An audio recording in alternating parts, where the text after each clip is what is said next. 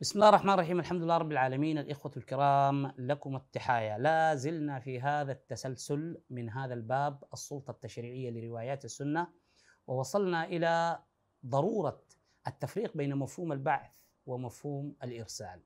أن الرسول صلى الله عليه وسلم هل هو مرسل للناس كافة؟ وهل هو مبعوث للناس كافة؟ كما نقول ونعتقد والصلاة والسلام على المبعوث رحمة للعالمين. هل هذه الجملة صحيحة؟ ليست صحيحة. هذه نتيجة من النتائج. الصلاة والسلام على المبعوث للناس كافة ليست صحيحة. إذا الرسول عليه الصلاة والسلام ليس مبعوث للناس كافة وليس مبعوث رحمة للعالمين. وأن يقول بذلك فسيلزمه الدليل والبرهان. قال تعالى قل هاتوا برهانكم إن كنتم صادقين. ولننظر إلى الآيات. قال تعالى وما أرسلناك إلا رحمة للعالمين. وما أرسلناك إلا للناس كافة. بشيرا ونذيرا. لم يقل بعثناك.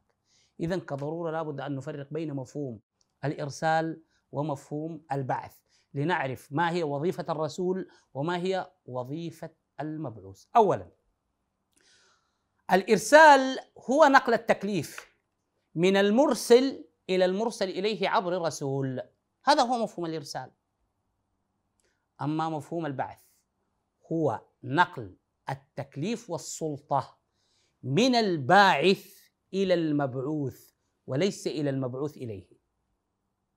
أكرر هذه الجملة مرة أخرى لأنها مهمة جدا. الإرسال هو نقل التكليف من المرسل إلى المرسل إليه عبر رسول. أما البعث هو نقل التكليف والسلطة من الباعث الأول إلى المبعوث وليس إلى المبعوث إليه. بمعنى صلاحيات الباعث ستؤول إلى المبعوث فهو سيحل مكان الباعث الأول. وفق مقتضى ما بعث به. يعني الحاجة الشايلة البعثوه بها هو حياخذ فيها صلاحيات وسلطات الباعث الأول. كما نحن نقول الآن المبعوث الأمريكي لشؤون السلام. المبعوث الأمريكي لشؤون الشرق الأوسط ماذا يعني؟ هو يأخذ سلطات وتكليف الجهة التي بعثه وبالتالي له حق وضع التصورات وصياغة النتائج الأخذ والرد حولها التنازل كل هذه الصلاحيات ستؤول من الباعث الأول إلى هذا المبعوث أما الرسول الإرسال يأتي في برقيات التعازي وبرقيات التهنئة بين الرؤساء. لما يقول لك أرسل ببرقية تعزيه إلى الرئيس الفلاني أنت بتجي كرسول تجيب من السفارة بتشيل برقية التعزية وبرقية التهاني بتسلمها الرئيس الفلاني وتمشي. لا عندك حق تشوف فيها شنو. ولا أصلا الرئيس حيفتحها ولا حيقراها لك ولا أنت عارف الحاصل فيها شنو. أنت بتوصلها وبتمشي لأنك رسول. أما المبعوث لا. يجلس مع الجهة التي بعث إليها وهو يحمل صلاحيات الباعث الأول. ماذا نريد أن نصل في هذه الجزئية؟ أربع آيات التي تتحدث عن بعث الرسول صلى الله عليه وسلم حصرت أمره بالأميين بمعنى أفراد الجيل الذين بعث فيهم. ربنا وابعث فيهم رسولا منهم. هو الذي بعث في الأميين رسولا منهم. لقد من الله على المؤمنين إذ بعث كل هذه الآيات التي تتحدث عن الوظيفة الأخرى للرسول بتعليم الكتاب والحكمة هي خاصة فقط بالأميين الذين بعث منهم وبعث فيهم وبالتالي هم المكلفون بطاعته طاعة مطلقة. لماذا؟ لأنه أخذ صلاحيات الباعث.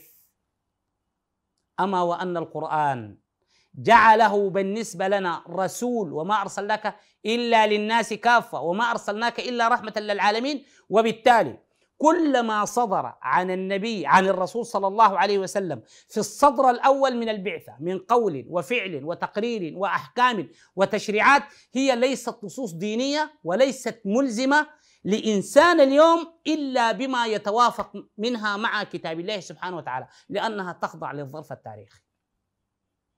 هذه النتيجة التي قد تبدو صادمة ولن يتقبلها الكثيرون.